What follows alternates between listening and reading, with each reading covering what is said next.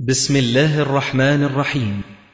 تسجيلات السلف الصالح للصوتيات والمرئيات والبرمجيات.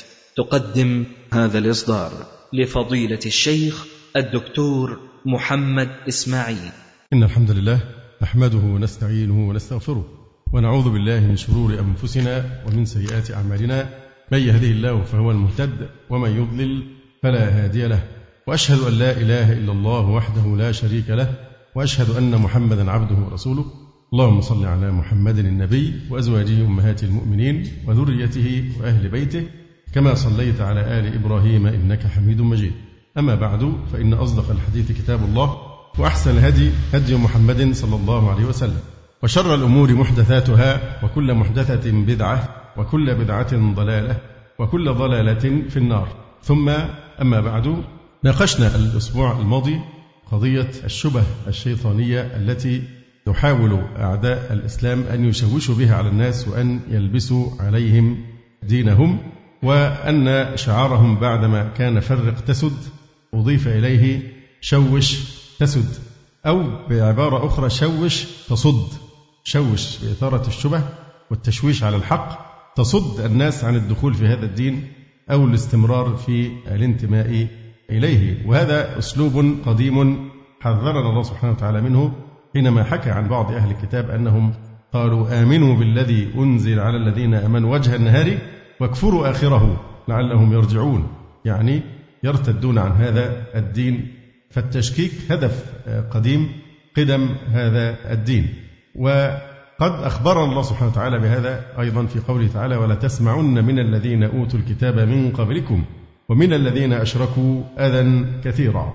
قلنا مرارا إن الإنسان لا ينبغي أن ينصت إلى الشبهات ولكن الشبهات الآن قد ملأت البر والبحر والجو ومن خلال ثورة الاتصالات دخلت الشبه كل بيت وخاصة بعد الإنترنت والقنوات الفضائية وتجريد بعض هذه القنوات للطعن في دين الله تبارك وتعالى والتطاول على رسول الله صلى الله عليه وآله وسلم.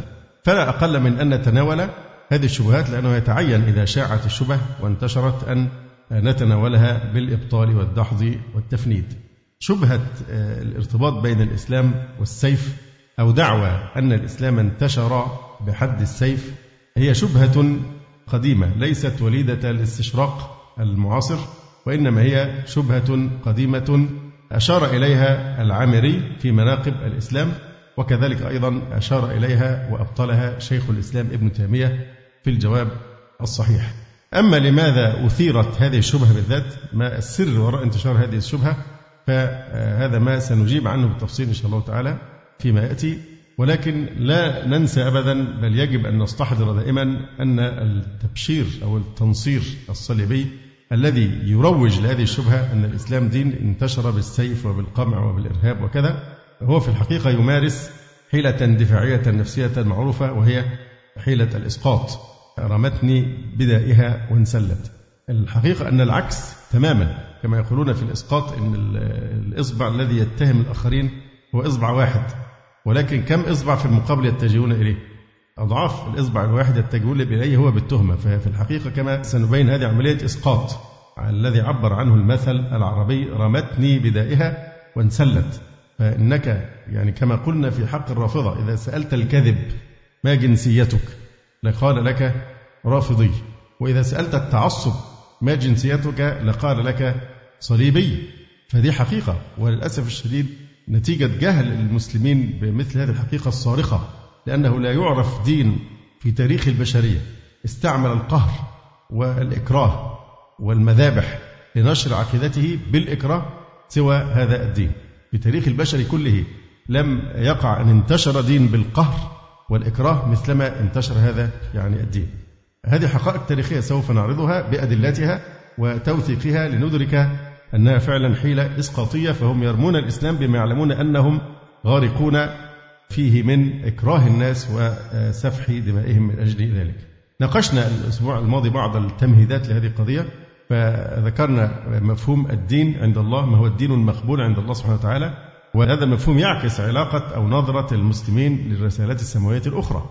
فما هي إلا امتداد لنفس الرسالة ونفس الجوهر وهي الذي عبر عنه الله سبحانه وتعالى بقوله إن الدين عند الله الإسلام. ومن يبتغي غير الإسلام دينا فلن يقبل منه وهو في الآخرة من الخاسرين. فرسالة المحمدية هي امتداد طبيعي لرسالة الأنبياء والمرسلين من قبل نبينا محمد صلى الله عليه وآله وسلم. كذلك أيضا ناقشنا مفهوم الأمة وبينا أن مفهوم الأمة عندنا ليس كمفهوم الأمة عند علماء الاجتماع وغيرهم إنها قوم يتجمعهم أرض واحدة وثقافة واحدة إلى آخر هذا الكلام. مفهوم الأمة عندنا أساسا الانتماء إلى العقيدة الإسلامية التي هي جنسية المسلم عقيدته ودينه. وذكرنا أيضا الفرق بين أمة الدعوة وأمة الإجابة. وبناء على هذا المفهوم لابد أن ننظر إلى كل من وجد على سطح هذه الأرض منذ بعثة رسول الله صلى الله عليه وسلم وإلى أن تقوم الساعة أن هؤلاء هم أمة محمد صلى الله عليه وسلم. كل من على ظهر الأرض من يهودي أو نصراني أو مجوسي أو وثني أو ملحد كل هؤلاء يجب أن نعرف أنهم هم أمة محمد بمعنى أمة الدعوة التي هي مسؤولة عن الاستجابة إلى رسول الله صلى الله عليه وسلم وإلى دعوته. فحينما آه، نذكر قوله تعالى وإلى عاد أخاهم هدى وإلى ثمود أخاهم صالحة كل نبي بعث إلى قومه. أما قوم محمد فهو الأسرة البشرية كلها بلا استثناء. هؤلاء أمة محمد. بمعنى أنهم كلهم سوف يسألون عن رسالته ويحاسبون طبقا لموقفهم من هذه الرسالة. من استجاب؟ فهم أهل أمة الإجابة الذين أجابوا الدعوة وآمنوا به. أما الآخرون فهم أمة الدعوة الذين لم يستجيبوا لكنهم مسؤولون عن هذه الرسالة. كل إنسان يدفن في قبره يسأل ثلاثة أسئلة إجبارية. من ربك وما دينك وماذا تقول في هذا الرجل الذي بعث فيه؟ جاء في الحديث أن الكافر يقول سمعت الناس يقولون شيئا فقلت. وهذه هي المشكلة أن هذه الأراجيف وهذه الشبه حينما تشيع تصد الناس عن حقهم في الاطلاع على حقيقة دين الإسلام الذي هو سبيل النجاة في الدنيا والآخرة وسبيل السعادة في الدنيا والآخرة. فأكبر مجرم في حق البشرية دايما بيتكلموا دلوقتي على مجرم الحرب وجريمة في حق الإنسانية. أكبر جريمة ترتكب في حق الإنسانية الصد عن سبيل الله. تشويه صورة الإسلام الذي يتسبب إلى حرمان الناس من هذه النعمة ثم خلودهم في العذاب والعياذ بالله. فمن ثم أعظم حق من حقوق الإنسان يجب أن يوضع في المقدمة هو ألا يحال بينه وبين أن تبلغه رسالة الإسلام كما أنزل الله سبحانه وتعالى ليأخذ فرصته في النجاة. وما كنا معذبين حتى نبعث رسولا. فالكافر يقول في قبره سمعت الناس يقولون شيئا فقلته فالملائكة تقول له لا دريت ولا تليت. ويعذب في قبره. سمعت الناس يقولون شيئا فقلت. هذا هو نفس ما يقع من كل من يحيد عن دين رسول الله صلى الله عليه وسلم. يسمع الناس يقولون شيئا ثم كالببغاء يكرر هذه الأشياء. بقي في التمهيد لهذا البحث المهم الكلام حول قضية عالمية الإسلام. فدعوتنا ينبغي أن تكون إلى الإسلام العالمي وليس إلى السلام العالمي لأن هذا السلام المزعوم لم ولن يتحقق ولم يسبق أن يتحقق أبدا ولن تنال البشرية السعادة والاستقرار إلا تحت ظلال الإسلام دين الله تبارك وتعالى. فدعوتنا وإيماننا هو بالإسلام العالمي وليس بما يسمى السلام العالمي.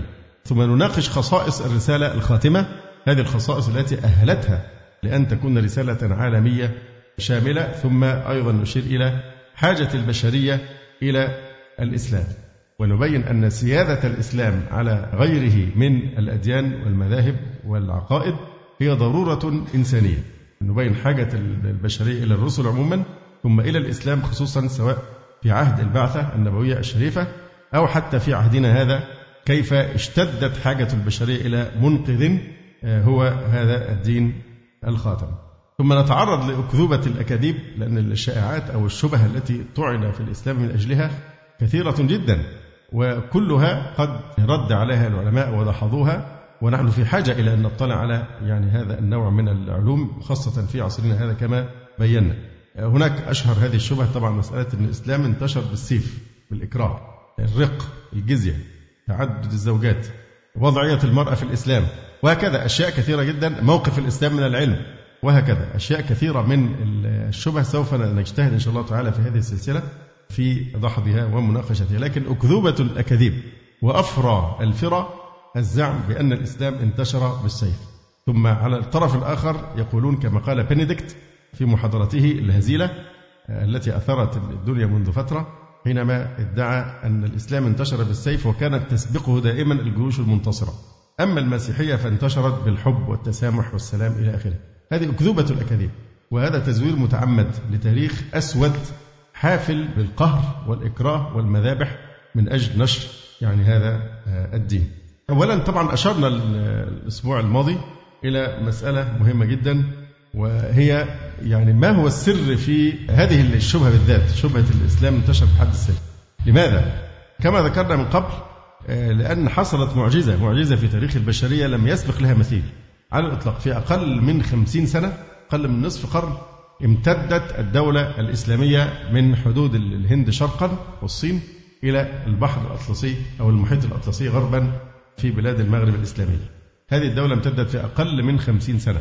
هذا الامتداد المدهش والمذهل وحصل هذا التمكين كما أخبر رسول الله صلى الله عليه وآله وسلم. فهي شيء يبهر العقول فعلا شيء يدهش. وبدل أن يبحثوا عن أسباب الكامنة في الإسلام كعقيدة فطرية عقيدة توحيدية وما يدعو إليه من مبادئ وقيم ومثل ونظافة في كل شيء في العقيدة وفي السلوك وفي العبادة وكذا إنما أخذوا يبحثون عن تفسير لهذه الظاهرة. فبعضهم قال إن انتشار السريع للإسلام بهذه الصورة كان لأنه كان يستعمل السيف لإكراه الناس على الدخول في هذا الدين فمن ثم انتشر الإسلام بهذه السرعة وهذا من السطحية والسذاجة بل من الغباء في الحقيقة أن يقال مثل هذا. لأن الإكراه ليس كالنية النية محلها القلب. أما الإكراه فمحله البدن. لا إكراه لا على العقل ولا على القلب. إنما الإكراه يقع فقط على البدن ولذلك عذر الله سبحانه وتعالى المكره على النطق بكلمة الكفر إلا من أكره وقلبه مطمئن بالإيمان. ما دام قلبه منشرح بالإيمان وعامر بالإيمان وهو أكره على النطق بكلمة الكفر فهذه رخصة ويعفى عنه ذلك. لماذا؟ لأن العبرة بما في القلب. لماذا عذر الإنسان في الإكراه البدني؟ لأن القلب لا يقع عليه إكراه. لا يستطيع أحد أن يكره الإنسان على أن يعتقد بقلبه شيئا ما. إنما الإكراه محله البدن. أما العقل والفكر والقلب فلا سلطان لأحد عليه وبالتالي لا يمكن أبدا إكراه إنسان على الدخول في دين أو اعتقاد عقيدة كما سنبين ذلك إن شاء الله تعالى بالتفصيل. ولو انتشر بالسيف طيب هو مجرد ما يعني زوال هذا السلطان إذا زال السلطان والقهر ده ما الذي سيترتب عليه؟ فورا الناس ستعود إلى دين آبائها وأجدادها. وبعض الناس يعني ينظرون للإسلام لأن دي عقيدة أجنبية. دي جاية لنا من من الصحراء من جزيرة العرب.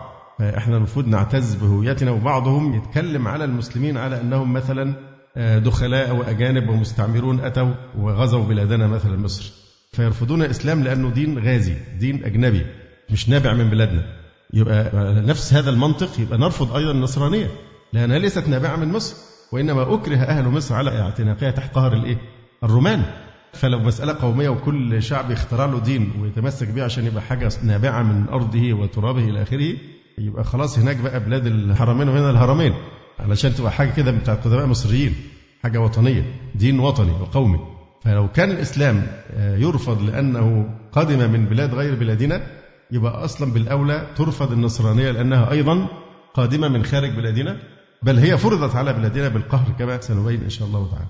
بعض الناس قالوا لا ده لأن لأنه دين يفتح الباب على مصراعيه لنيل الشهوات والإباحية بكل وسيلة ممكنة ويستدلون بذلك ببعض الأحكام مثل تعدد الزوجات إلى آخره. بعضهم يقول إن العرب قبائل همجية كانت اعتادت على السلب والنهب والغزو ونحو ذلك فالإسلام الشيء الذي فعله هو أنه نقل هذا السلوك من داخل الجزيرة العربية إلى العالم الخارجي فساحوا في الأرض وانتشروا في الأرض بغية السلب والنهب الحصول على الغنائم ونحو ذلك. من هذه التعليلات الخائبة أن بعضهم قال إن الجزيرة العربية تعرض لقحط ظروف مناخية معينة تعرض فيها القحط وجدب فانتشروا في آفاق الدنيا يبحثون عن الظلال الوارفة والمياه العذبة والبساتين ونحو ذلك. إذا كان في عامل اقتصادي أو أنهم هربوا من طقس الجزيرة العربية الحر بحثا عن الجو اللطيف في بلاد الأخرى في الشام وغيرها كلهم يهربون من التفسير المنطقي الوحيد لهذه السرعة العجيبة في انتشار الإسلام بحيث أن فعلا انتشار الإسلام بهذه السرعة وبهذه القوة بهذا العمق لا شك أنها معجزة تاريخية لم يسبق لها مثيل لم يفطنوا أو تجاهلوا بتعبير أدق محاولة التعليل الحقيقي والمقبول لهذه الظاهرة ألا وهو لأنه دين الحق دين الإسلام هو دين يحمل في داخله قوة ذاتية لا تحتاج إلى تجميل من أحد. دين الإسلام لأنه دين يتوافق مع الفطرة. دين كله توحيد دين كله عدل وسماحة ونظافة في كل شيء. ولذلك حتى بعض المستشرقين عندهم إنصاف لما حاولوا تفسير هذه الظاهرة المعجزة انتشار الإسلام في هذه المدة وبهذه القوة أشاروا إلى أن السبب الحقيقي هو أنه دين الحق.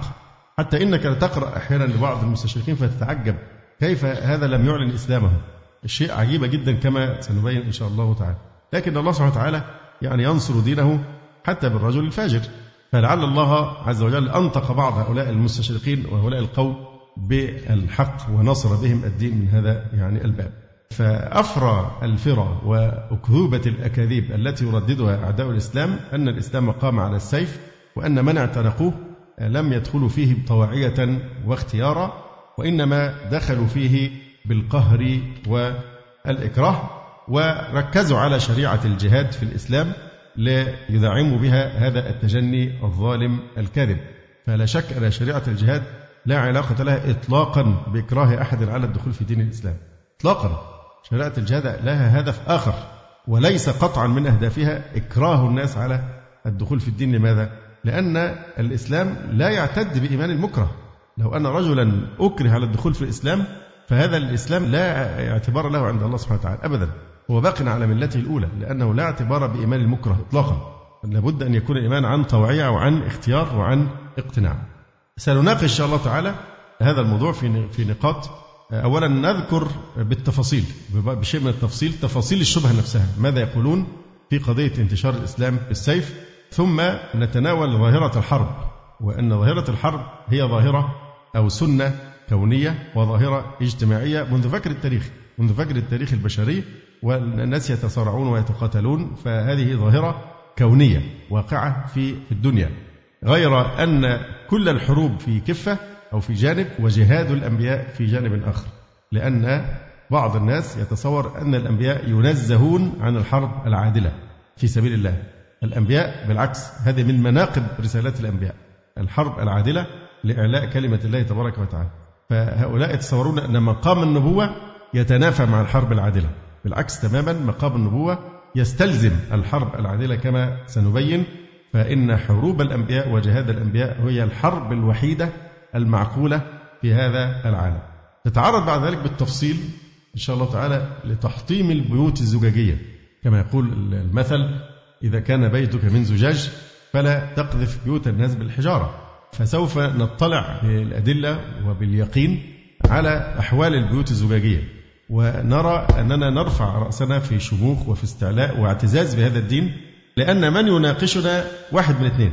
إما رجل كتابي يهودي أو نصراني وإما رجل ملحد شيوعي مثلا. فنشوف بقى شريعة القتال ولما نناقش شريعة القتال نشوف الأول الشريعة يعني فكرة القتال. من حيث المبادئ النظرية في الكتب المقدسة ثم التطبيق العملي لها في الواقع. فنرى نماذج من شريعة القتال في التوراة. صحيح إحنا بنكون حذرين حينما نتعامل مع الإسرائيليات ونصوص كتب اليهود والنصارى باعتبار أن يعني نحن لا نستطيع أن ننتقد. فانتبهوا لهذا. يعني إلا شيء فعلا نجزم بعدم صحة نسبته إلى الله سبحانه وتعالى وتنزه الأنبياء عنه. لكن قد تكون هناك يعني بعض هذه النصوص نستبشعها لكننا لن ننتقدها. واضح؟ نستبشعها مقارنة بما في الإسلام. قد تكون نسخت أو غير ذلك من الأسباب أو قد تكون حرفت. الله أعلم. لكن في كل الأحوال نتجرد ولنقل على سبيل الإلزام للخصم اليهودي مثلا نقول له أنت بالذات مالكش إنك تتكلم أبدا في موضوع الإسلام والسيف. وتعالى بقى نشوف الفرق بين نصوص القتال عندكم في التوراة ثم نصوص القتال وأغراضه وأهدافه في الإسلام وأخلاقياته. أيضا في الواقع العملي لنرى ماذا فعل المسلمون في البلاد التي فتحوها كيف كانت سلوكياتهم وأخلاقهم وكيف كان انبهار الناس بهذه الأخلاق حتى دخلوا في دين الله أفواجا. وبين ما تفعلونه أنتم أو ما فعلتموه طبقا لشريعتكم التي تنفذون. سوف نرى غراما شديدا بقتل الأطفال. في نصوص التوراة قتل الأطفال. وبالتالي لا نستبعد ما نراه ليل نهار في فلسطين بالذات فلسطين من قتل الأطفال والتلذذ بقتل الأطفال. ده شيء بيستمتعوا به والطفل محمد الدرة لما لما وقفوا مدة كبيرة من الزمان يتسلون بتعذيبه وهو وأبيه وانتقوا الولد وقتلوه. فعندهم قتل الأطفال ده شيء مغرمين به يعني فاحنا كده إذا فهمنا هذا وأن له أصل في دينهم سوف يزول تعجبنا. لماذا يتلذذون بقتل الأطفال بهذه الطريقة؟ والنساء ونحو ذلك. إذا دلفنا إلى العهد الجديد أو إلى الإنجيل فسنرى أيضا جانبين. جانب أن شريعة المسيح عليه السلام أو بتعبير أدق أن المسيح عليه السلام لم يقاتل. لكن هل معنى أن المسيح لم يقاتل؟ هل معنى ذلك أن شريعة المسيح ضد القتال؟ إطلاقا. لأن كل نصراني يؤمن بالكتاب المقدس والكتاب المقدس مكون من إيه؟ من التوراة والإنجيل. فكل ما جاء في التوراة فإنه يلزم النصارى أيضا. وهذا لا جدال في هذه من بديهيات العقيدة النصرانية. كما يقولون أن المسيح عليه السلام قال ما جئت لأنقض الناموس وإنما لأتمم فالشريعة الأساسية في المسيحية هي أساسا التوراة ثم الإنجيل مكمل. فهم ملزمون بكل ما في التوراة من نصوص تتعلق بالقتال وهذه الأشياء. مما يلفت نظرنا حينما نطالع نصوص القتال في في التوراة وبالتالي هذا يلتزم به اليهود والنصارى التركيز على قتل الوثنيين. يعني إما أن يدخلوا في الدين وإما أن يقتلوا.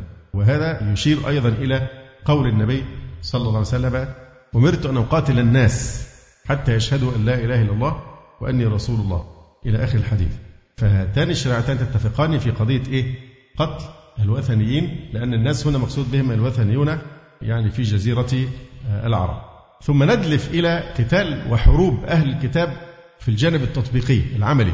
ونحن بهذا لا نبعد عن القضية الأصلية لأن إحنا بناخذ جانب نظري وجانب عملي. في الإسلام سنأخذ الجانب النظري في الجهاد الإسلامي ومفاهيمه وأخلاقياته كأوامر في الكتاب والسنة. ثم ننظر إلى التطبيق العملي. هل يتطابق الجانب النظري مع الجانب العملي؟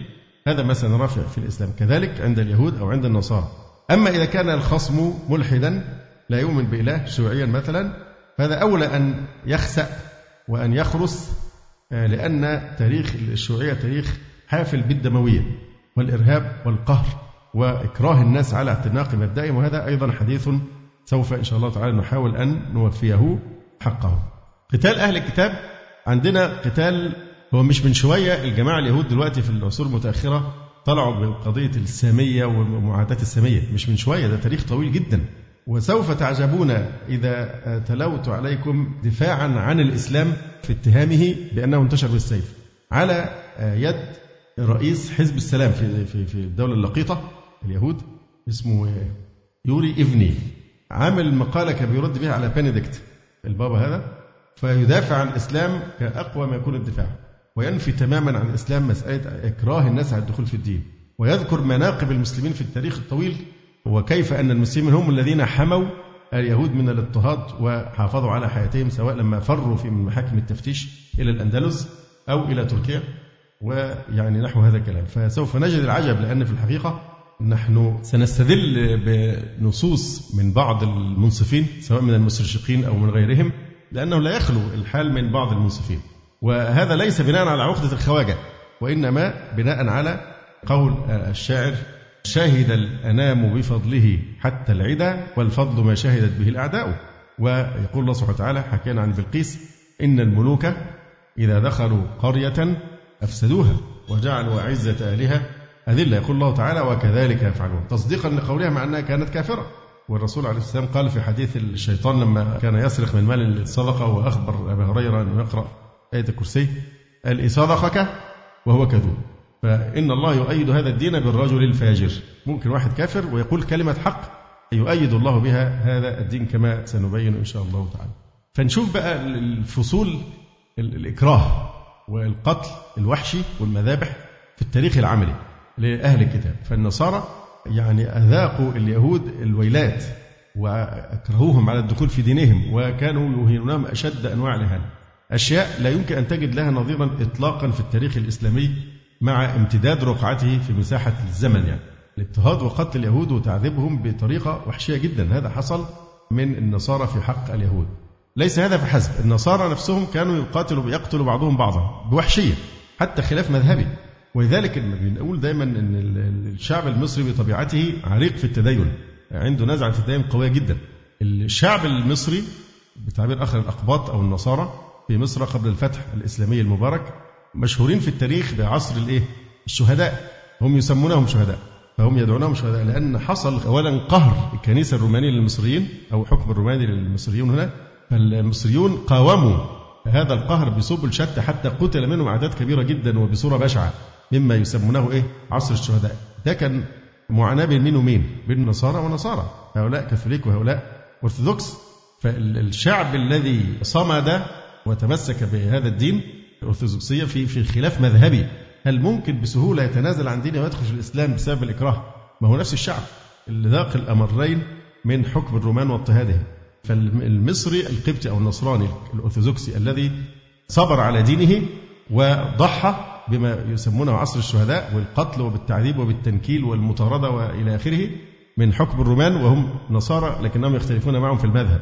هل من السهولة أنه يخرج من دين إلى دين الإسلام بسبب الإكراه أيضا؟ مع أن الإسلام لا يعرف إكراها فدخول المصريين في الإسلام أكيد كان عن قناعة وعن جاذبية الإسلام التي قدمت له العقيدة الصحيحة والتوحيد والعدل ونحو ذلك. فهنشوف برضو مسألة أن المحبة بقى. المحبة على الطريقة النصرانية. الله محبة. نشوف بقى التطبيق العملي. المحبة. ومن لطمك على خدك الأيمن أدر له الأيسر. كيف طبق مبدأ المحبة؟ لم يطبق على الإطلاق. موضوع خدك الأيمن والأيسر ما شفناهوش أبدا. أبدا. كناحية واقعية التسامح النصراني كحبر على ورق. لم يطبق إطلاقا. في كل التاريخ لم يعرف العالم أي صورة من صور التسامح في الحقيقة من ناحية النصارى. وده مش ناشئ على فكرة من نقد لرسالة المسيح معاذ الله. إحنا نكفر لو ننتقد رسالة المسيح لأنها رسالة محبة وسلام. صحيح دي المسيح سنفصل أن المسيح واقعيا لم يحارب لأسباب سنذكرها فيما بعد. لكن لأن رسالة المسيح كرسالة موسى لها إيه؟ خصوصية. رسالة المسيح خاصة ببني إسرائيل لم تكن رسالة عالمية. والأحكام العملية معروف أنها ممكن تختلف من شريعة إلى شريعة. قد تنسخ كلها أو ينسخ بعضها أو تبدل أو نحو ذلك. حسب حكمة الله سبحانه وتعالى في التشريع فمش معنى ذلك أننا ننتقد رسالة المسيح إطلاقا. فالمسيح فعلا أتى بالتسامح وأتى بالزهد وبأشياء كثيرة جدا بتعالج صلابة وقسوة قلوب اليهود وبني إسرائيل. لكن لأن رسالة المسيح ليست رسالة عالمية لذلك خلت من إيه؟ من القتال. وأيضا المسيح لم يقم دولة. فمن الناحية الواقعية هذه الرسالة كانت لها خصوصية لا تصلح للبشرية إلى الأبد. فمن ذم موضوع التسامح والكلام المثالي قوي ده في عالم الواقع لم نجده يطبق لأنه مستحيل يطبق. الأمر الذي حدا بهذا الشاعر النصراني العربي رشيد سليم الخوري أقر باستحالة اعتماد سياسة المسيح عليه السلام السلمية في هذا العالم الواقعي حين أقر في نفس الوقت بأن الدين الواقعي اللي هو حبر على ورق ونظريات لا تطبق هو دين الإسلام باعتباره عقيدة دينية ورسالة تحريرية في نفس الوقت. يقول هذا الشاعر إذا حاولت رفع الضيم فاضرب بسيف محمد واهجر يسوعا أحبوا بعضكم بعضا وعظنا بها ذئبا فما نجت قطيعا. فيا حملا وديعا لم يخلف سوانا في الورى حملا وديعا. ألا رتلت إنجيلا جديدا يعلمنا إباء لا خنوعا طبعا هو سيء الأدب. مش هيقول سيء الأدب مع نبيه ده سيء الأدب مع من يراه إلهه والعياذ بالله. يصف أنه حمل وديع. يقول إذا حاولت رفع الضيم فاضرب بسيف محمد واهجر يسوعا أحب بعضكم بعضا وعظنا بها ذئبا فما نجت قطيعا فيا حملا وديعا لم يخلف سوانا في الورى. حملا وديعا هو بيقول ألا أنزلت إنجيلا جديدا؟ طبعا كيف يقول أنزلت؟ أنزلت بيخاطب إلهه. فأنا عدلتها إلى ألا ألا رتلت إنجيلا جديدا يعلمنا إباء لا خنوعا فانتبهوا أن هذا كان طبعا فيه سوء أدب مع نبيه الذي يعده هو إلهه. فالنبي يلتزم ما شرعه الله له. ورسالة المسيح عليه السلام كانت خاصة ببني إسرائيل بقومه في وقت معين ولم تأتي للبشرية عامة. فجائز أن تبنى على هذه المبادئ لما جبل عليه اليهود من قسوة القلوب والجشع ونحو ذلك من أخلاقهم المعروف. فهذا كان علاج لفئة معينة من الناس. لكن لها ليست شريعة أبدية وبالتالي لا يجوز لنا أن ننتقد هذه الخصيصة في رسالة المسيح عليه السلام لأنها رسالة ليست عالمية كما ذكرنا. نتناول موضوع المحبة والتسامح على الطريقة النصرانية ونرى كيف أنه لم يوجد في تاريخ البشرية دين استعمل الإكراه. بأسوأ معانيه وأقسى وحشية مثلما استعملت النصرانية ملوكها في نشر دينها. ثم نعرج على مواقف عملية تاريخية لا ينساها التاريخ أبدا وبالذات محاكم التفتيش في الأندلس. والفرق بقى بين معاملة المسلمين وبين معاملة النصارى لما تمكنوا من المسلمين في الأندلس. يقول الشاعر ملكنا فكان العدل منا سجية فلما ملكتم سال بالدم أبطحوا فحسبكم هذا التفاوت بيننا وكل إناء بالذي فيه ينضح. لأن الجهاد الإسلامي جهاد أخلاقي الفئة الوحيدة التي تلتزم بالعدل والتسامح مع خلق الله والرحمة.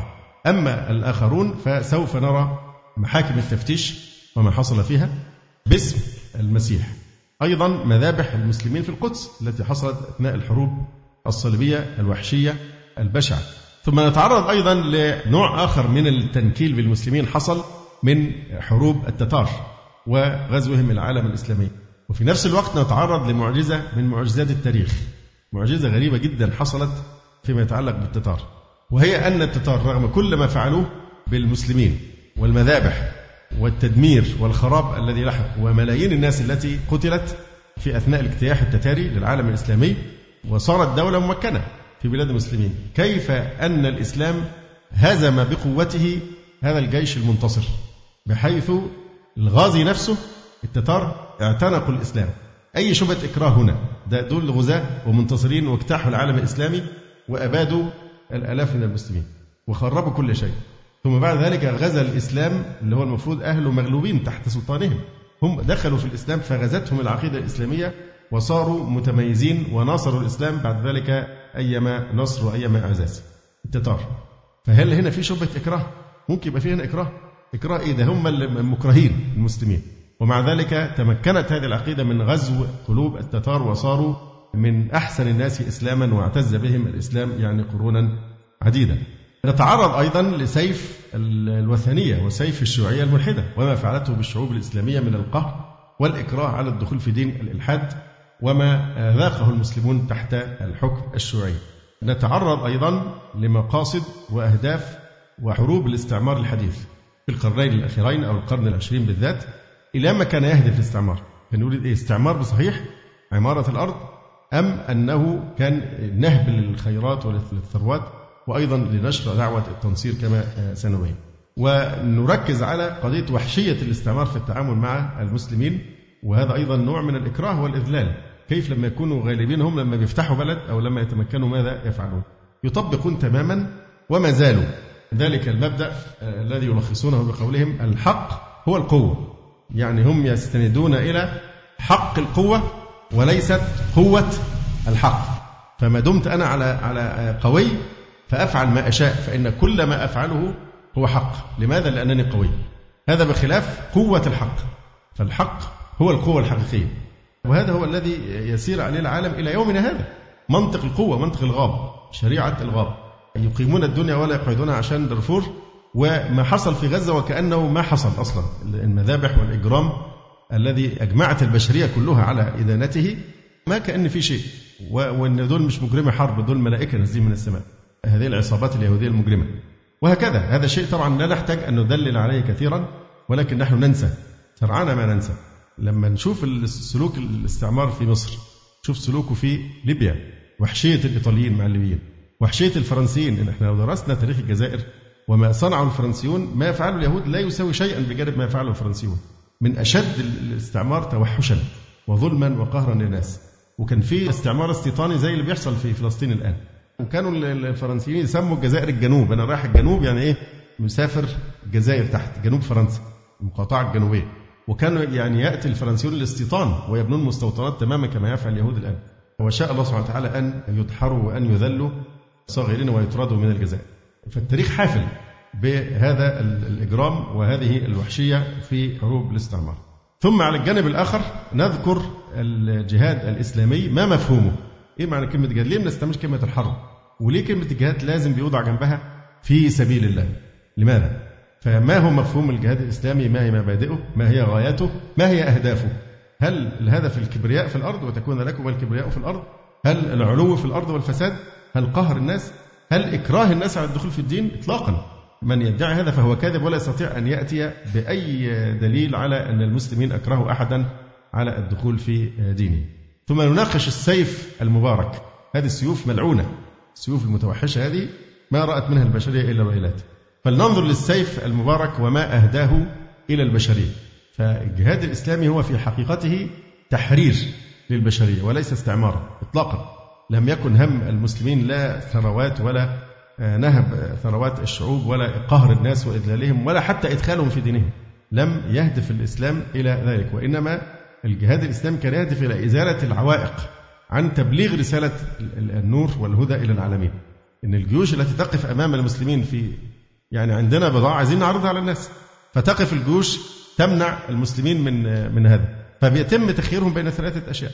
إما الإسلام أو الجزية أو القتال. فما فيش إكراه. يعني الإسلام ده اختياري. فممكن يبقى في أحياء لكن يدفعون الجزية. وإما القتال ويفصل الله بينهم. هذه أخلاقيات الجهاد يعني فالجهاد الإسلامي تحرير للبشرية. لم يكن استعبادا ولا استعمارا إطلاقا. فلذلك نسميه السيف المبارك. ويكفي أننا نحن بل ملايين المسلمين في كافة أرجاء المعمورة ندين بالفضل هؤلاء الصحابة الأطهار والمجاهدين الأبرار آه، من السلف الصالح في أنهم كانوا قد تسببوا في هذه النعمة نعمة الإسلام. وانتشار نور الإسلام في العالم فهم أزدوا للبشرية أعظم الجميل وأعظم الإحسان الذي ليس بعده إحسان وهو النجاة من الكفر بالدخول في دين التوحيد ودين الإسلام. ثم نبين أو نضحض المنهج الاعتذاري في قضية الجهاد وكيف أن بعض الناس من أجل الاعتذار وتأثرا بالمستشرقين وأذنابهم يحاولون اجتثاث بعض الأحكام الشرعية في الجهاد إرضاء للقوم أو اتقاء لانتقادهم ونحو ذلك. ثم نناقش مبدأ في غاية الأهمية وهو مبدأ لا إكراه في الدين وأن الإكراه غير مقبول إطلاقا. ونفصل في هذا لأنه طبعا من أهم الموضوعات إن شاء الله تعالى. ثم نناقش مسألة من أكره هؤلاء على الدخول في الإسلام؟ من الذي أكرهه؟ يعني عجوبة الأعاجيب أن التتار وهي الأمة الغالبة تدخل في دين الشعب أو الشعوب التي غزوها وقهروها وأذلوها. فالعقيدة هي التي غزتهم مش القوة. فهل هنا شبهة في إسلام التتار؟ حينما أسلموا ودخلوا في دين الله أفواجا فيش أي شبهة إطلاقا أن دي أمة منتصرة وغالبة. ومع ذلك انهزمت أمام عقيدة التوحيد وتشرفت باعتناقها يعني شفنا خريطة العالم الإسلامي. البلاد التي دخلها المسلمون بالسيف حوالي ثلث مساحة العالم الإسلامي. ثلث العالم الإسلامي لم تدخل بالسيف. وده طبعا في أكبر دولة إسلامية إندونيسيا. وماليزيا وكل الدول اللي في جنوب شرق آسيا هذه كلها دخلها الإسلام عن طريق كما يقول توماس أرنولد في الدعوة للإسلام يقول إنهم كانوا دعاة في زي تجار. تجار المسلمين أنفسهم كانوا دعاة لأنهم كانوا قدوة وكان الناس حيث محل التاجر المسلم في مثل هذه البلاد كانوا يفتنون به وينبهرون بأخلاقه وسلوكياته وبهذا فتحت القلوب بهذه القدوة.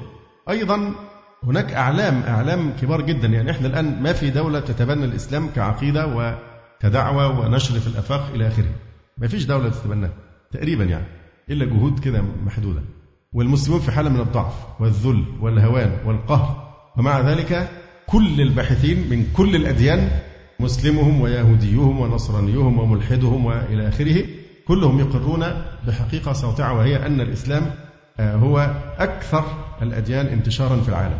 بينما الأديان الأخرى في تراجع فالإسلام هو أعلى معدل انتشار في جميع أنحاء العالم. ويدخل في الإسلام علماء وباحثون ومفكرون وفلاسفة وأعلام كبار جدا من الساسة وغيرهم في الشرق والغرب. من الذي أكره هؤلاء على الدخول في الإسلام؟ لما سفير ألمانيا مراد هوفمان في المغرب يدخل في الإسلام ويصنف الكتب في الدفاع عن الإسلام والدعوة إليه وهو ألماني. والأمثلة كثيرة جدا جدا. يعني هذا سنفرده إن شاء الله بالبحث والتفصيل لنرى من الذي يكره هؤلاء الناس على الدخول في الدين. من الذي يكرههم إيه القوة اللي عندنا عشان نغريهم بها؟ أين سيف المعز وأين ذهب المعز؟ ما فيش. ما معنا شيء نغريهم به. وإنما هي قوة الدين لأنه حق في ذاته. هو في حد ذاته يملك هذه الجاذبية. وبالذات لما تيجي تقارن بقى معدل انتشار الإسلام في العالم كله معدل الهائل مع انحسار النصرانية أمام الإسلام رغم إمكانيات التنصير الهائلة فالنصرانية لها دولة الفاتيكان تتبناها وتجيش الجيوش وتبذل الأموال فسينفقونها ثم تكون عليهم حسرة ثم يغلبون رغم الفرق في الإمكانيات ولكن آه، الجميع يقر بأن الإسلام أعظم الأديان انتشارا في العالم كله أين الإكراه هنا؟ فين الإكراه؟ أيضا لماذا لم ترتد آه، شعوب البلاد المفتوحة بعد زوال سلطان الإسلام السياسي؟ لماذا لم ترتد هذه الشعوب؟ أيضا سوف نرى كيف كان أهل البلاد المفتوحة حتى مع بقائهم على الكفر كانوا يتشبثون بالفاتحين ويتمسكون بهم ويؤثرونهم على أهل ملتهم ممن أذقوهم يعني الذل والهوان. بعد ذلك نتعرض إن شاء الله تعالى لأخلاقيات الحرب أو الجهاد عند المسلمين. في أخلاقيات بتحكم جهاد المسلمين تبرئ جهاد المسلمين من أي شبهة إكراه أو استعباد للناس أو قهر لهم أو إذلال كما رأينا في غيرهم. أيضا نرى نماذج من الفتوحات الإسلامية. ما الذي كان يفعله المسلمون حينما يفتحون البلاد؟ وماذا كان ردود فعل؟ الشعوب نفسها. وقدر من التسامح. يعني إحنا لو درسنا قضية التسامح إن شاء الله ننوي أن نعطيها حقها. قضية التسامح مع أهل الأديان الأخرى يعني لو كانوا يفقهون لطالبوا بتطبيق الشريعة الإسلامية. لأنهم يعني يفوزون بمكاسب لا يحلمون بها في ظل الاستقواء بأمريكا وغيرها. لو كانوا يفقهون فالتسامح في الإسلام ومراعاة حرمة أهل الذمة دي عبادة مش مش مش إجراء قانوني. دي عبادة كل مسلم مطالب بأن يحترمها مع أهل الذمة ويعني يحفظ يعني حقوقهم أيضا من ضمن الشبهات أن الفاتحين الإسلاميين دول انتشروا في بقاع الأرض نتيجة الفقر. وأن الإسلام أغراهم بالغنائم. دول انتشروا في الأرض مش لينشروا الدين ولا حاجة. دول انتشروا عشان طمعانين في الأسلاب والغنائم وثروات الأمم يعني المهزومة.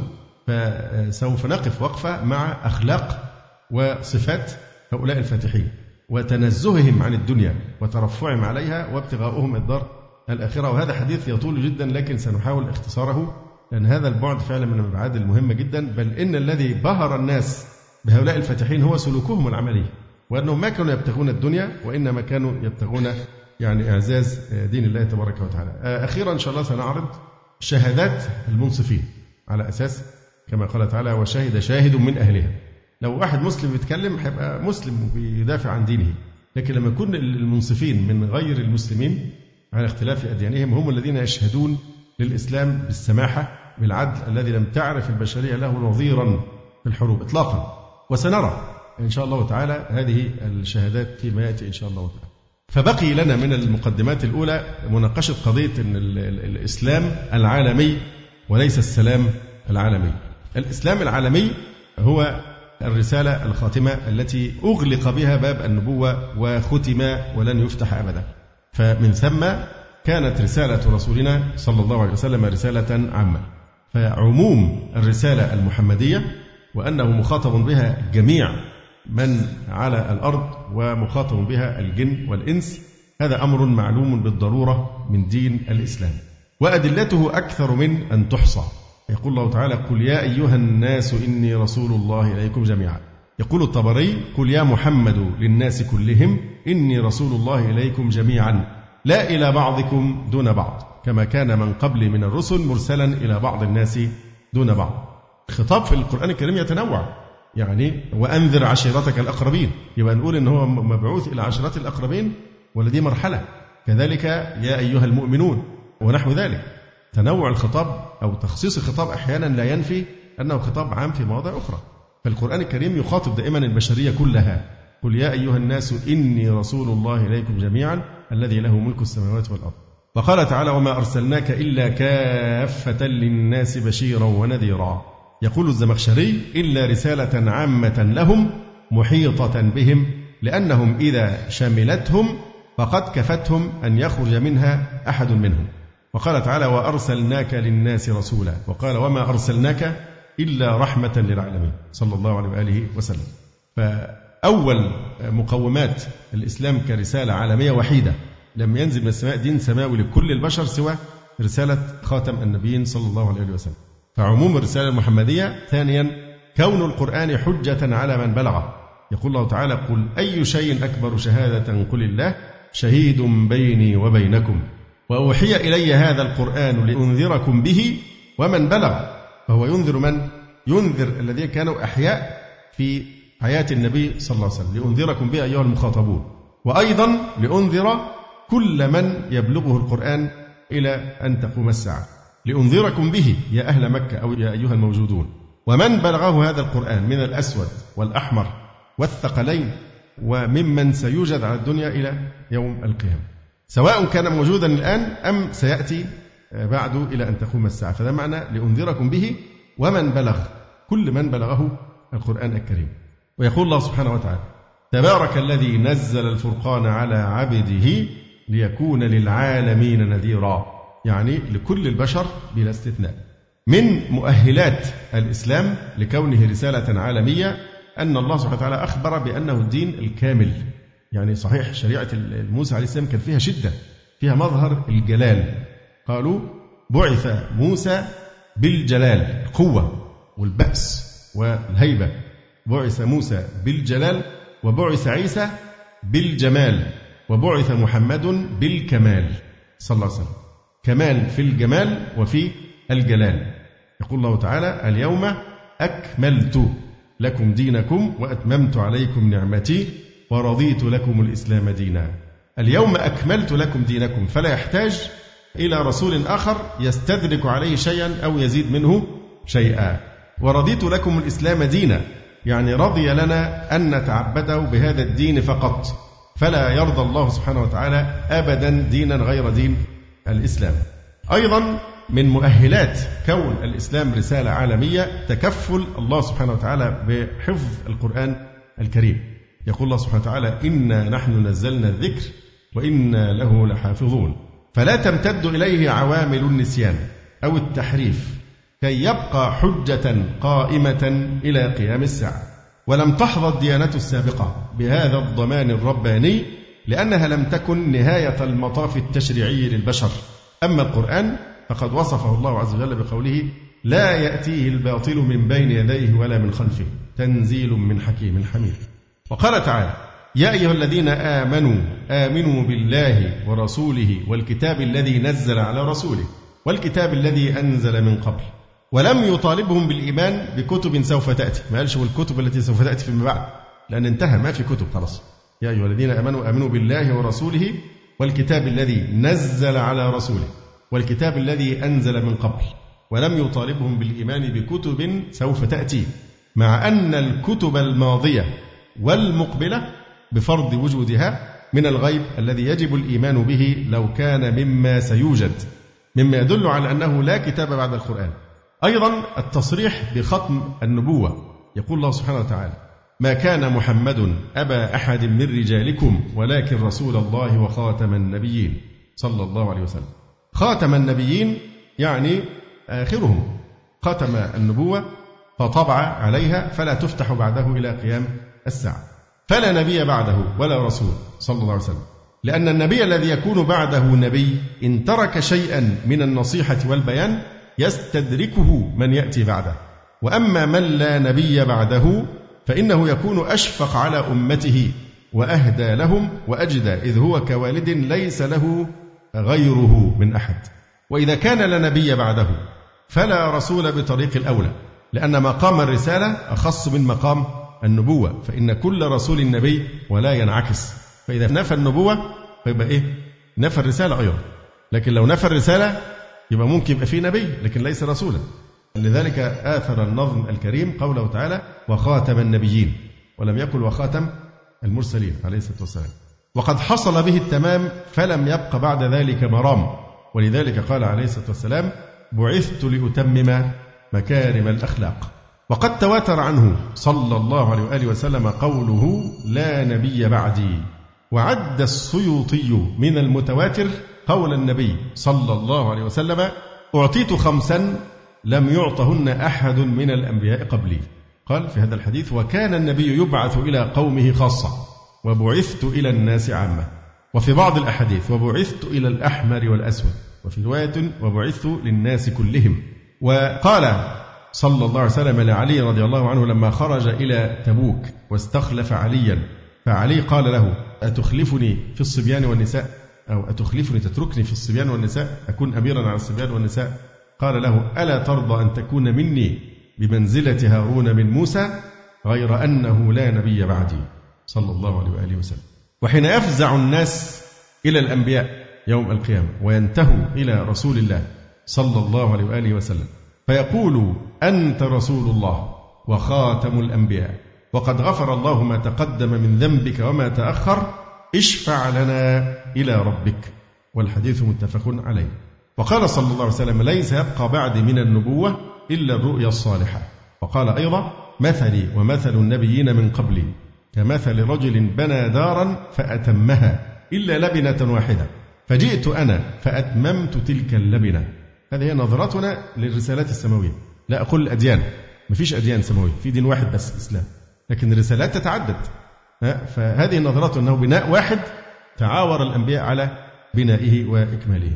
وقال صلى الله عليه وسلم لا تقوم الساعة حتى يبعث دجالون كذابون قريبا من ثلاثين كلهم يزعم أنه رسول الله. وقال صلى الله عليه وسلم إنه لم تكن فتنة في الأرض منذ ذرأ الله ذرية آدم أعظم من فتنة الدجال. وإن الله لم يبعث نبيا إلا حذر أمته الدجال وأنا آخر الأنبياء وأنتم آخر الأمم. وفي بعض الروايات فإنه خارج فيكم لا محالة. لأن إحنا آخر أمة وآخر نبي فأكيد هيخرج في هذه آه، الأمة المحمدية. وقال صلى الله عليه وسلم بعثت أنا والساعة كهاتين يعني ليس بيني وبينها نبي. وقال صلى الله عليه وسلم لا تزال. فانتبهوا الكلمة لا تزال. طائفة من أمتي ظاهرين على الحق لا يضرهم من خذلهم حتى يأتي أمر الله وهم كذلك. أيضا خصائص الرسالة المحمدية تؤكد أنها الرسالة الأخيرة. يعني كان الشيخ أحمد ديدات رحمه الله يستعمل عبارة إيه؟ بيقول العهد القديم والعهد الجديد فبيسمي الإسلام أنه الإيه؟ العهد الأخير أو كلمة الله الأخيرة إلى البشرية. كان الرسل السابقون يخاطبون في رسالاتهم الأمم التي بعثوا فيها فقط. يقول تعالى ولقد بعثنا في كل أمة رسولا أن يعبدوا الله واجتنبوا الطاغوت. طبعا الأنبياء ليسوا محصورين في منطقتنا. الأنبياء ليسوا محصورين في في منطقة الشام والجزيرة العربية. صحيح الرسائل الرسالات الأخيرة محصورة فيها. رسالات إلى بني إسرائيل ثم أمة محمد عليه الصلاة والسلام. لكن نحن نقطع بأنه ما من أمة إلا خلا فيها نذير الهنود الحمر قدماء المصريين ومن سمعنا عنه ومن لم نسمع. لابد أن تكون قامت عليهم الحجة لازم. القول بأن الرسالات السماوية محصورة فقط في منطقة الشام والجزيرة هذا يعني فيه نظر لأن القرآن ينص على أنه ما من أمة إلا خلا فيها نذير. يقول تعالى وإن من أمة إلا خلا فيها نذير. فكان كل نبي يفتتح دعوته بقوله يا قوم. يخاطب قوما فقط يا قوم اعبدوا الله ما لكم من إله غيره وقال عليه الصلاة والسلام وكان النبي يبعث إلى قومه خاصة وإلى ثمود أخاهم صالح وإلى عاد أخاهم هودا ورسولا إلى بني إسرائيل. وفي التوراة الحالية مع التحريف الذي فيها تقول وكلم الرب موسى قائلا كلم بني إسرائيل وقل لهم أنا الرب إلهكم. وفي الإنجيل أن المسيح عليه السلام قال لم أرسل إلا إلى خراف بيت إسرائيل الضالة وفي الإنجيل أيضا أنه قال لرسله الاثنى عشر إلى طريق أمم لا تمضوا. يعني مش مطالبين تروح لحد تاني بني إسرائيل فقط. إلى طريق أمم لا تمضوا وإلى مدينة للسامريين لا تدخلوا بل اذهبوا بالحري إلى خراف بيت إسرائيل الضالة. أما أسلوب الرسالة الإسلامية فهو العموم الشامل للناس جميعا. لا يخصص قوما دون قوم ولا قبيلة دون قبيلة ولا أمة دون أمة. قل يا أيها الناس إني رسول الله إليكم جميعا. وفي الحديث وبعثت إلى الناس كافة. كذلك معجزات الرسل السابقين كانت معجزات حسية. تخاطب الحواس البشرية وتقهرها ولا تتعدى فترة زمنية تنتهي بوفاة النبي. فبوفاة النبي تصبح المعجزة خبرا لا يراها أحد. فمثلا معجزة صالح كانت الناقة. الآن هي خبر لا يستطيع أحد أن يرى الناقة وهي تخرج من الصخرة. معجزة موسى العصا إلى آخره. معجزة عيسى عليه السلام أيضا معجزات حسية. أني أخلق لكم من الطين إلى آخره. كلها معجزات كانت إيه مرتبطة بوقت وبالحواس. أما معجزة الإسلام فمعجزة خالدة دائمة تخاطب العقل البشري في كل مكان وزمان وتتحدى البشر بإعجازها البلاغي والمعنوي والتشريعي. يقول الله سبحانه وتعالى وإن كنتم في ريب مما نزلنا على عبدنا فأتوا بسورة من مثله وادعوا شهداءكم من دون الله إن كنتم صادقين. فإن لم تفعلوا انظر التحدي ولن تفعلوا. فاتقوا النار التي وقودها الناس والحجارة. هذا القرآن الكريم. ماذا قال الوليد بن المغيرة في شأن القرآن الكريم؟ قال والله ما منكم رجل أعرف بالشعر مني ولا أعلم برجزه ولا بقصيده مني ولا بأشعار الجن. والله ما يشبه الذي يقول شيئا من هذا ووالله إن لقوله الذي يقوله حلاوة وإن عليه لطلاوة وإنه لمثمر أعلاه مغدق أسفله. وإنه لا يعلو ولا يعلى وإنه لا يحطم ما تحته. بل كان نفر من رؤوس قريش يسهرون ليلهم يستمعون إلى رسول الله صلى الله عليه وسلم وهو يقرأ القرآن من حيث لا يعلم. وكل منهم لا يعلم عن الآخر فيلتقون في الانصراف عند الفجر ثم يتلاومون ويتعهدون على عدم الرجوع. ولكنهم يعودون وتتكرر القصة ثلاث ليال وهم يفعلون ذلك. لماذا؟ لما يجدون في أنفسهم من الإعجاب والإكبار لفصاحته وبلاغته. ولقد بلغ من قوة تأثيره وإعجازه أن أعربيا لما سمع قول الله سبحانه وتعالى فلما استيأسوا منه خلصوا نجيا. سجد الأعرابي. فقيل له لماذا سجدت؟ فقال إنما سجدت لبلاغته وأشهد أن مخلوقا لا يقدر على مثل هذا. يقول النبي صلى الله عليه وسلم مشيرا إلى هذه الحقيقة وهي أن معجزة القرآن معجزة دائمة وقائمة أمام كل من يريد الدليل على أن الإسلام دين الحق. قائمة أمامه يستطيع أن يصل إليه. يقول عليه الصلاة والسلام ما من نبي إلا وأعطي من الآيات. ما مثله آمن عليه البشر. وإنما كان الذي أوتيته وحيا أوحاه الله إليه. فأرجو أن أكون أكثرهم تابعا يوم القيامة. إذا هذا هو السر أحد أسرار الانتشار العجيب للإسلام. أن معجزة الإسلام معجزة باقية وملموسة ألا وهي القرآن الكريم. لذلك الرسول علل فقال وإنما كان الذي أوتيته وحيا أوحاه الله إلي فأرجو أن أكون أكثرهم تابعا يوم القيامة. والمعجزات السابقة منقطعة الصلة عن الدعوة نفسها العصا شق البحر الناقة كل هذه المعجزات هل لها علاقة بالدعوة؟ دي معجزة حسية وبتنتهي تبقى خبر. فالمعجزات السابقة منقطعة الصلة عن الدعوة نفسها. فكانت تذهب المعجزة وتبقى الدعوة وتبقى المعجزة رواية وخبرا يتناقل ومعجزة القرآن مقترنة بالدعوة فالقرآن هو المعجزة وهو الدعوة. ولذلك قال عليه الصلاة والسلام فأرجو أن أكون أكثرهم تابعا يوم القيامة لأن معجزته هي نفسها تتضمن دعوته وهي تؤدي دور الإعجاز في كل جيل إلى أن يرث الله الأرض ومن عليها. من مؤهلات عالمية الإسلام أن الكتب السابقة تعرضت للتحريف والتبديل والتشويه مما أفقدها قيمتها الربانية كمصدر للهداية. وكان الله سبحانه وتعالى قد كلف هؤلاء بحفظها. يعني حفظ الكتب السابقة كان موكولا إلى البشر كان أمرا إيه؟ شرعيا إراديا طلبيا تكليف. افعلوا. فما دام في أمر ممكن هم كبشر لا ينفذونه وبالتالي حصل هذا.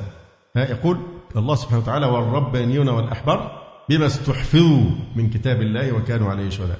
فكلفوا هم بحفظ هذه الكتب فلم يحفظوها بل ضيعوها وحرفوها. أما القرآن الكريم فقد تكفل الله سبحانه وتعالى بحفظه. فقال عز وجل إنا نحن نزلنا الذكر وإنا له لحافظون. قال يحيى بن أكثم دخل يهودي على المأمون فتكلم فأحسن الكلام فدعاه المأمون إلى الإسلام فأبى. فلما كان بعد سنة جاءنا مسلما فتكلم بأحسن الكلام. فقال له المأمون ما كان سبب إسلامك؟ قال انصرفت من حضرتك فأحببت أن أمتحن الأديان فعمدت إلى التوراة فكتبت ثلاث نسخ فزدت فيها ونقصت وأدخلتها البيعة فاشتريت مني وعمدت إلى القرآن فعملت ثلاث نسخ فيها نقص وزيادة. وأدخلتها الوراقين المكتبات فتصفحوها فلما أن وجدوا فيها الزيادة والنقصان رموا بها فلم يشتروها. فعلمت أن هذا الكتاب محفوظ فكان هذا سبب إسلامي. قال يحيى بن أكثم فحججت تلك السنة فلقيت سفيان بن عيينة فذكرت له الحديث فقال مصداق هذا في كتاب الله تعالى. قلت في أي موضع؟ قال قال الله تعالى في التوراة والإنجيل بما استحفظوا من كتاب الله. فجعل حفظه إليهم فضاع. وقال إنا نحن نزلنا الذكر وإنا له لحافظون. فحفظه الله فلم يضع. يقول مستشرق لين بول إن أكبر ما يمتاز به القرآن أنه لم يتطرق شك إلى أصالته. وإن كل حرف فيه نقرأه اليوم. نستطيع أن نثق بأنه لم يقبل أي تغيير منذ ثلاثة عشر قرنا. ويقول موير وهو متعصب متحمل على الإسلام ومع ذلك يقول فلعله أي القرآن هو الكتاب الوحيد في الدنيا الذي بقي نصه محفوظا من التحريف طيلة ألف ومائتي سنة. فلهذا لا يحتاج المسلمون إلى رسالة أخرى أو إلى كتاب آخر لأن نبيهم خاتم النبيين وكتابهم محفوظ إلى أن يرث الله الأرض ومن عليها. في التشريعات السابقة نلاحظ مبدأ الخصوصية في التشريع. مثلا الشدة والقسوة التي تناسب جلافة بني إسرائيل وسوء خلقهم. فكانت التشريع أحيانا يأتي إيه؟ كنوع من عقاب آثار وأغلال جعل الله عليهم عقوبة لهم. كما قال عز وجل فبظلم من الذين هادوا حرمنا عليهم طيبات أحلت لهم وبصدهم عن سبيل الله كثيرا. فالباء هنا بالسببية باء السببية. فبظلم من الذين هادوا حرمنا عليهم طيبات أحلت لهم. يبقى في بعض التشريعات أتت عقوبة إيه؟ لبني إسرائيل. وفي التوراة الحالية لأن كل بيت إسرائيل صلاب الجباه قساة القلوب.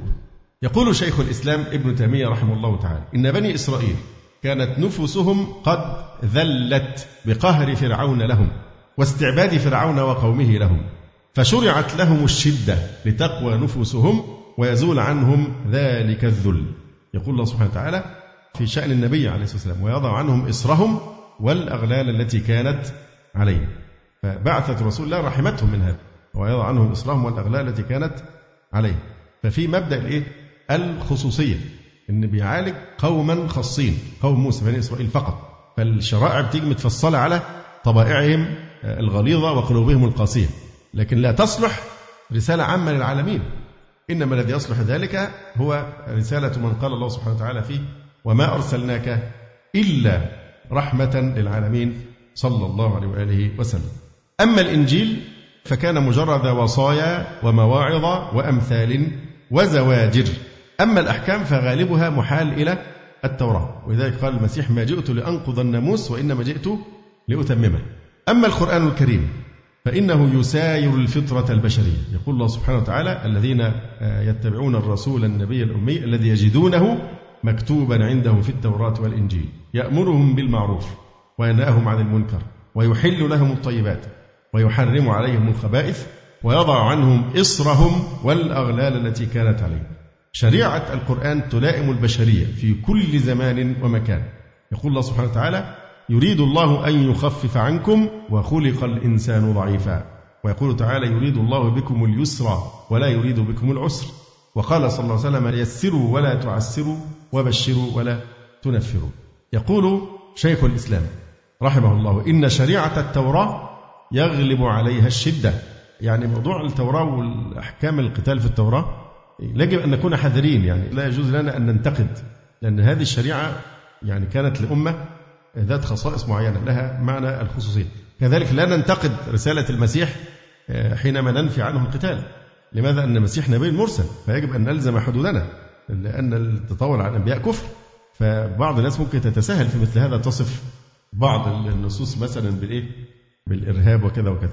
بمناسبة يعني بمناسبة كلمة الإرهاب هو الغرب دايما بيطلع مصطلحات كل شوية لحد ما تستهلك وتدوب حاجة بالية فبيتخلصوا منها.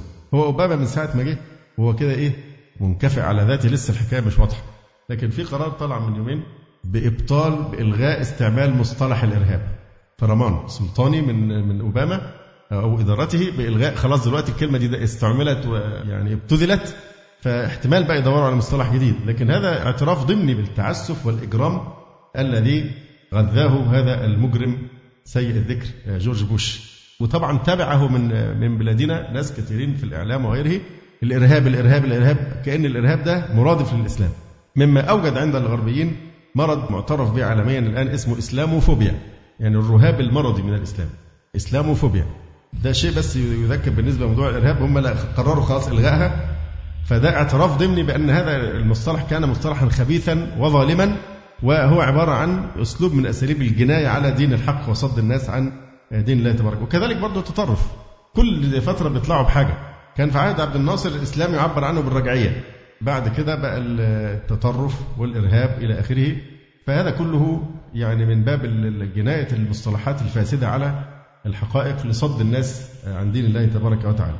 يقول شيخ الإسلام إن شريعة التوراة يغلب عليها الشدة وشريعة الإنجيل يغلب عليها اللين وشريعة القرآن معتدلة جامعة بين هذا وهذا. كما قال الله تعالى وكذلك جعلناكم أمة وسطا لتكونوا شهداء على الناس. كما قيل بعث موسى بالجلال وبعث عيسى بالجمال وبعث محمد بالكمال. صلى الله عليه وسلم. أيضا من خصائص الإسلام التي تؤهله لأن يكون رسالة عالمية المرونة فإن في الإسلام قواعد عامة تصلح في كل زمان كإيجاب الشورى في الحكم. أو إيجاب العدل في الحكم بين الناس أو أن درء المفاسد مقدم على جلب المنافع ونحو ذلك. كذلك أيضا من خصائص الشريعة الشمول كما قال عز وجل في حق القرآن الكريم تبيانا لكل شيء وهدى وبشرى للمسلمين. فنجد الإسلام نظام متكامل نظام كامل لكل مجالات الحياة. فالعبودية تشمل كل أحوال المسلم. العقيدة الشريعة الأخلاق حقوق الله حقوق الناس الاقتصاد الخلافة الأداب أحكام الحياة والموت الإيمان بالغيبيات فجاء الإسلام بخير الدنيا والآخرة برمته ولم يحوجنا الله سبحانه وتعالى إلى أحد سواه. من خصائص الإسلام اليسر فإن طابع الشريعة اليسر والسهولة. يقول تعالى وما جعل عليكم في الدين من حرج. هذه دلالة قطعية على نفي الحرج. وما جعل عليكم في الدين من حرج.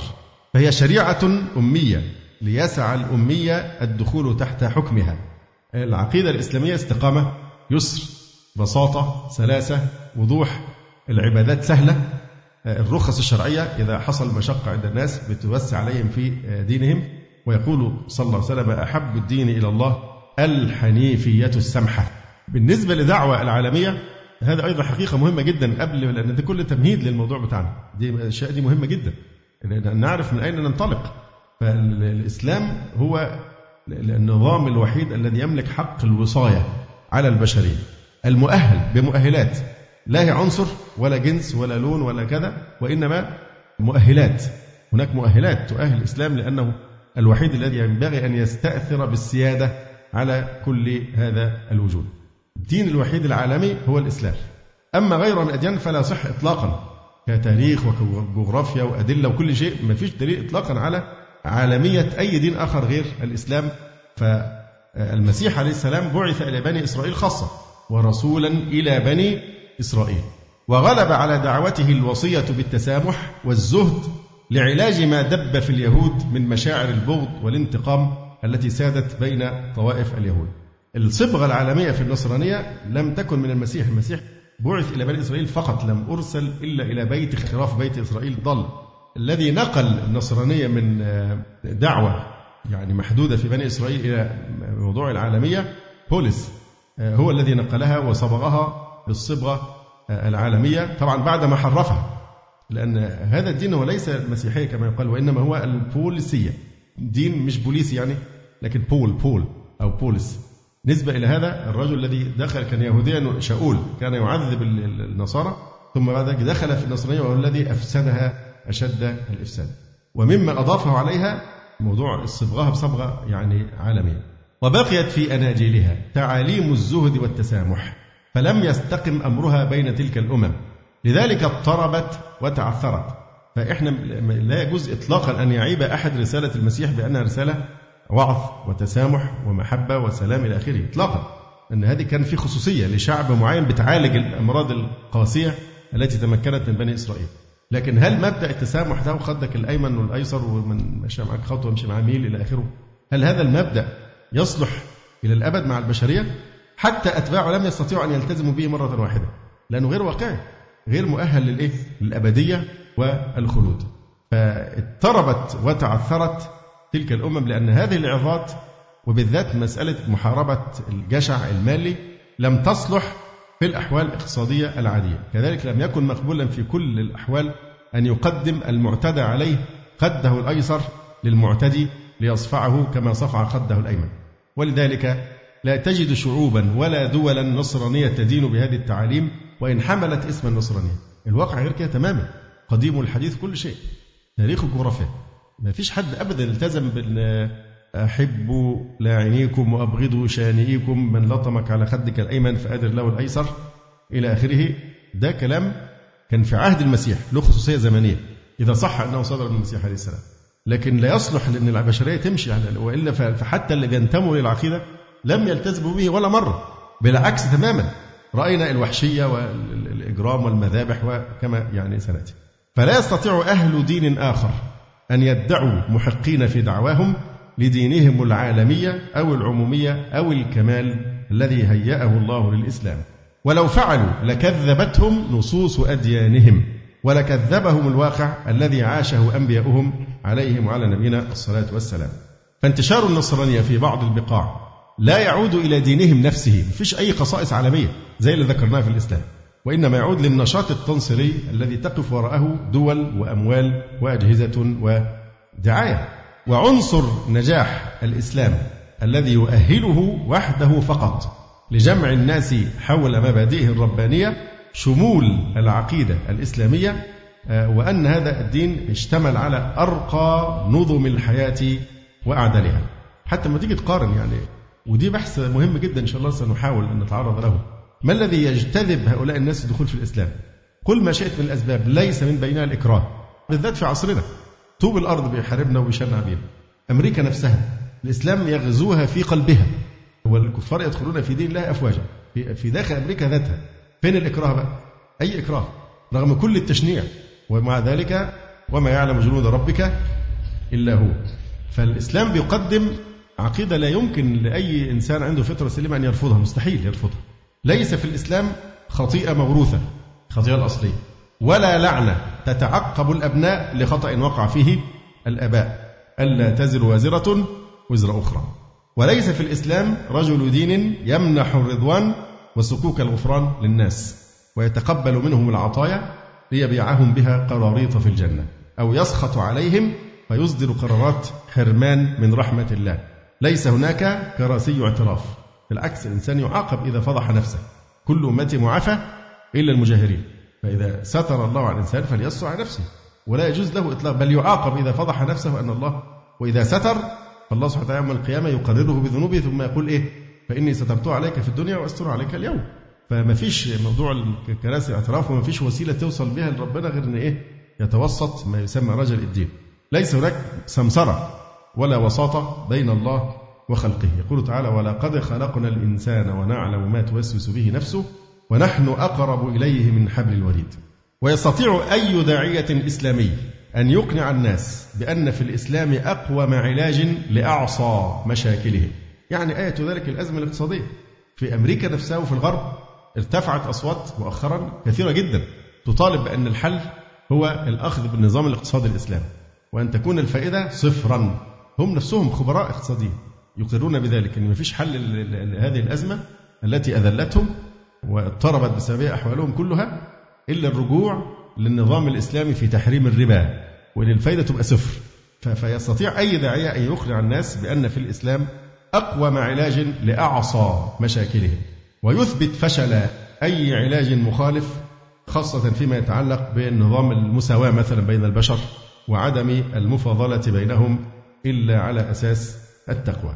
يقول صلى الله عليه وسلم كانت بنو إسرائيل تسوسها الأنبياء. كلما هلك نبي خلفه نبي وإنه لا نبي بعدي وسيكون خلفاء فيكثرون يعني هذه الأمة صاحبة الأمر ترعى نفسها بنفسها وتحافظ على شريعتها فلا تحتاج أنبياء يبعثون لذلك.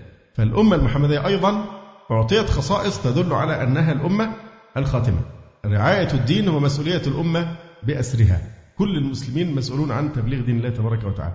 وأيضا أحيانا تكون مهمة أناس أفذاذ وهم المجددون على رأس كل مائة سنة. وأما في آخر الزمان فإذا إذا تعرضت الأمة لفساد كبير نتيجة البعد عن الصدر الأول والفتن التي تقع وأعظمها فتنة الدجال حينئذ تأتي شخصيات أعلى بقى من شخصية الخلفاء فيأتي المهدي أو المسيح نفسه عليه وعلى نبينا الصلاة والسلام. فالمسيح له دوران قتل الدجال وأيضا الوظيفة الأخرى تجديد الشريعة الدعوة للإسلام كما جاء في الحديث ويدعو الناس إلى الإسلام فيهلك الله في زمانه الملل كلها إلا الإسلام السؤال الأخير هل يمكن قيام دعوة عالمية على غير الإسلام؟ ماذا يمكن أن يصلح أساسا لتلك الوحدة العالمية؟ طبعا فشلت فكرة العولمة والسلام العالمي والكلام اللي مش جايب ثمنه كله دجل في دجل. دي عصابات بتحكم العالم عصابات. كل هذه الشعارات الكاذبة والمضللة يعني حتى أمريكا حاسة شعر أن وجهها قبيح جدا فبتحاول إنها تدي إذلالها للأمم وقهر الشعوب والإجرام الذي تمارسه في كل مكان والقتل بالذات في المسلمين. بتحاول تدفع على على موضوع مبادئها أو ان ان هي الموضوع مش مادي بس مش البترول بقى والثروات لا ده عايزين يحطوا حاجة معنوية مش عارفين. شوية يقولوا حقوق الإنسان وهم أكبر مجرمين في حق البشرية حقوق الإنسان. وشوف المعتقل جوانتانامو ولا ما فعلوه في العراق إلى آخره. وما فيش دوله استعملت السلاح النووي غير هي أمريكا. في هيروشيما وناجازاكي. فحقوق الإنسان إيه؟ فين حقوق الإنسان؟ حقوق الإنسان فقط لما في دارفور وفلسطين المذابح والإجرام الذي يحصل هذا. ومن قبل عشرات المذابح. مش إنسان لا يعتبرون من بني الإنسان. فهي بتحاول تجمل وجهها القبيح بأي ديكور يعني أي حاجة بس تدي صورة إن في مبادئ. حقوق الإنسان مرة لأن في الآخر بقى قال لك البيئة. الحفاظ على البيئة. حاجة برضو معنوية. وأول مجرم في وأكبر دولة بتلوث البيئة في العالم هي أمريكا. لو أنتم تسترجعوا قبل 11 سبتمبر بيومين اثنين بس كان في مؤتمر عالمي لمناقشة موضوع تلوث البيئة. فجميع كل من في المؤتمر أدانوا أمريكا أنها أكبر ملوث للبيئة في العالم. وطلبوها بأنها تحجم هذا الأمر فرفضت تماما إنها تحجم تلويث البيئه الذي يحصل بسبب المصانع والأسلحة ونحو ذلك. فيعني الشاهد إن هم حاسين إن منظرهم قبيح جدا. ما عاد أي شيء يستر النفاق الزجاجي بيشف عن حقيقة هذا الدولة المستكبرة وإذلالها لشعوب الأرض. فبيحاولوا دايما يحطوا مبدأ فكل المبادئ لا تستر شيئا زجاجية شفافة. فمن ثم نشوف اللي بيتكلموا على وحدة العالم. العالم كله يتوحد في السلام طب مين عنده أسلحة نووية غير أمريكا والدول الكبار الكبرى المعروفة؟ ومع ذلك يمنعون غيرهم. الإخوة في غزة المستضعفين المساكين كأن العالم كله بيقول لهم على رأس أمريكا إن إيه ما تحاولوش تاخدوا أي أسباب دفاعية علشان لما يجي نذبحكم نخلص المجزرة بسرعة. ما تطولوش معانا. هي ده المنطق اللي ماشي. منع المؤن الغذائية منع السلاح. كل هذا هو سلاح هيعملوا بيه إيه؟ هيطلعوا بيه فين يعني؟ هيعملوا بيه إيه؟ هيهددوا أمريكا؟ حتى أشياء دفاعية ضعيفة وباهتة ولا تكاد تسمن ولا تغني من جوع. لا ممنوع أي حاجة تدخل. ليه؟ عشان لما يجي تدبحوا يبقى الموضوع سهل ما تطولوش معانا وتتعبونا. أيها المتوحشون. فمنطق هو ده العالم. فإحنا شايفين لما بتسود قوة كافرة القهر والإذلال لخلق الله سبحانه وتعالى. والصد عن سبيل الله. الوضع الوحيد الذي فعلا يرضاه الله سبحانه وتعالى أن يكون الدين كله لله. الدين معنى الخضوع. مش معنى الدين كله لله؟ إن كل الناس لازم تدخل في الإسلام وإلا ما كانش فيه بقى جزية وأهل ذمة. معنى الدين الخضوع لأن أي دولة حتى لو كل شعبها كافر ودخلت تحت حكم الإسلام ودفعت الجزية هي في حالة تحكم إلى الشريعة. هي أصبحت إيه؟ في حالة تحكم للشريعة لأن شرع الله يطبق فيهم وهذا هو المطلوب. فالحق حينما يعلو هو الوحيد الذي يضمن للناس حريتهم وكرامتهم وحقوقهم. خلاف ذلك كيف يظهر عليكم لا يرقب فيكم إلا ولا ذمة. فالسؤال الأخير هل يمكن قيام دعوة عالمية توحد البشرية على غير عقيدة الإسلام؟ نشوف ممكن تقوم على إيه؟ إذا كان الدين هو الذي يوحد البشر فأي دين ينبغي أن يجتمع عليه البشر؟ النصرانية المحرفة القاصرة عن مواكبة العلم والعصر التي تقول دع ما لقيصر لقيصر وما لله لله في حين يقول الإسلام بل لله الأمر جميعا ويقول لله ما في السماوات وما في الأرض ويقول أنا له الخلق والأمر. أدم هو الذي خلق هو الذي يشرع. هل هذه العقيدة التي تصادم الفطرة وتتلوث بالعقائد الوثنية؟ أم اليهودية الديانة العنصرية ذات الكتاب المحرف الحافل بشتم الأنبياء ورميهم بالفواحش؟ كيف والديانتان كلتاهما خاصتان ببني إسرائيل؟ ليستا رسالة عالمية. هو البوذية الحافلة بالخرافات الوثنية والأساطير أم الهندوكية؟ توأم البوذية التي تتخذ البقرة معبودة لقد عجزت اليهودية عن توحيد اليهود أنفسهم وكذلك النصرانية وكذلك البوذية والهندوكية. إذا كان الأساس العرق والجنس توحيد العالم على أساس العرق والجنس فهذا مستحيل لأن الفوارق العرقية داعية فرقة وليست سبب وحدة. فلا يمكن أن يدعى إلى وحدة إلا بتذويب الفوارق اللونية والجنسية والعرقية. إحنا شفنا هتلر عمل إيه؟ والنازية وتعصبه بالجنس الآري وإنه إزاي قسم البشرية على أساس الإيه؟ العنصر. وحط آخر حاجة اليهود وحط العرب قبلهم على طول. فمش هينفع أن واحد البشرية على أساس الإيه؟ العرق والجنس لأن الفوارق العرقية بتفرق مش بتوحد. ولا يمكن توحيد الناس بالعكس بقى إلا بتذويب الفوارق الجنسية واللونية والعرقية. وليس ذلك إلا للإسلام. لا يمكن يكون في مبدأ أو عقيدة أو نظام يقوى على إذابة الفوارق بين الشعوب سوى الإسلام.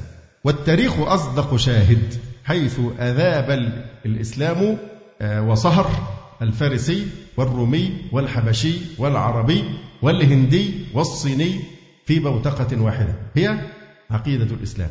يا أيها الناس إنا خلقناكم من ذكر وأنثى وجعلناكم شعوبا وقبائل لتعارفوا إن أكرمكم عند الله أتقاكم. وقال عز وجل إنما المؤمنون إخوة. أخوة العقيدة فقط هي التي تستطيع أن تذيب الفوارق بين الشعوب.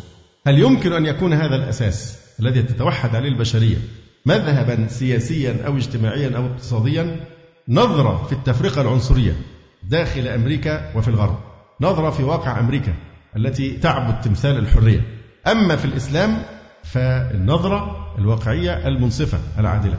الإنسان تنظر إليه الشريعة لأنه روح وجسد. اجتماعيا يحصل توافق بين الفرد وبين الأمة. شريعة شاملة وعامة. لا يوجد هيكل ولا أيقونة ولا صنم ولا كهنة ولا وساطة بين الله وبين خلقه. لا كرسي اعتراف ولا سكوك غفران.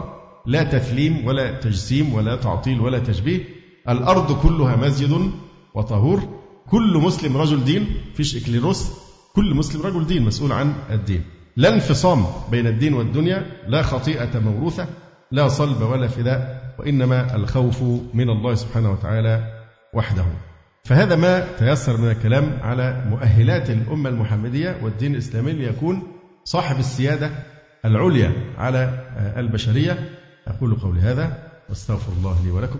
سبحانك اللهم ربنا وبحمدك أشهد أن لا إله إلا أنت أستغفرك وأتوب إليك. جزى الله فضيلة الشيخ خير الجزاء ونسأل الله جل وعلا أن يرفع مكانة الشيخ في المهديين وأن يجعله علما من أعلام الهدى والدين. ولا تنسونا وتنسوا الشيخ من دعوة صادقة بظهر الغيب. وتقبلوا تحيات إخوانكم في تسجيلات السلف الصالح بالإسكندرية. هاتف رقم صفر ثلاثة فاصل أربعة تسعة أربعة سبعة ستة خمسة اثنان. والتليفون محمول صفر عشرة واحد ستة أربعة واحد تسعة ثمانية صفر. والسلام عليكم ورحمة الله وبركاته.